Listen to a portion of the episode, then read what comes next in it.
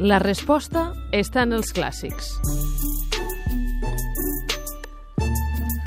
I avui a la resposta estan els clàssics, com sempre, el Joan Santanac, que és editor de l'editorial Barsino. Ell és el nostre medievalista de capçalera. Avui ens ha portat el llibre Lo Somni, que ens parla de la importància d'escoltar les persones grans. Benvingut, Joan. Hola, gràcies. Efectivament, avui parlarem de la, de la importància de saber què diuen i, i respectar les persones grans. Doncs escoltem el fragment. A veure, abans de res explicaré una mica el, el context perquè em sembla que és important de, de, de saber on, on som.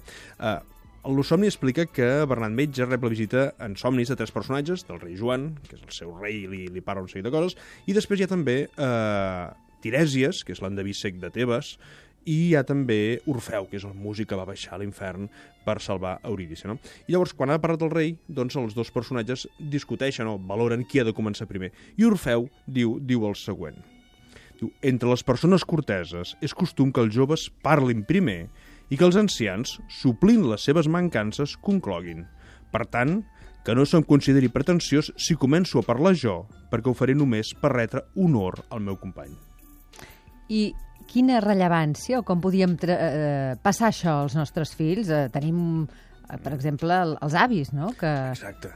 És a dir, aquí el que fa Orfeu és dir, primer parlo jo per tal que el que jo pugui dir, l'altre ho pugui corregir si cal corregir-ho. És a dir, l'altre, Tirèsies és més vell, una gran barba blanca, doncs Tirèsies és el savi, l'altre Orfeu és un personatge savi també, però l'altre el considera més savi i per tant doncs, el que en podem extreure sobretot és això, aquesta idea, aquesta necessitat moltes vegades de respectar els coneixements de la gent gran. Moltes vegades, com que diu, oh, com que no saben fer anar els ordinadors, no saben fer anar els mòbils, doncs eh, com si no tingués cap importància. No, tenen una experiència acumulada extraordinària i moltes vegades això no, no en fem cas.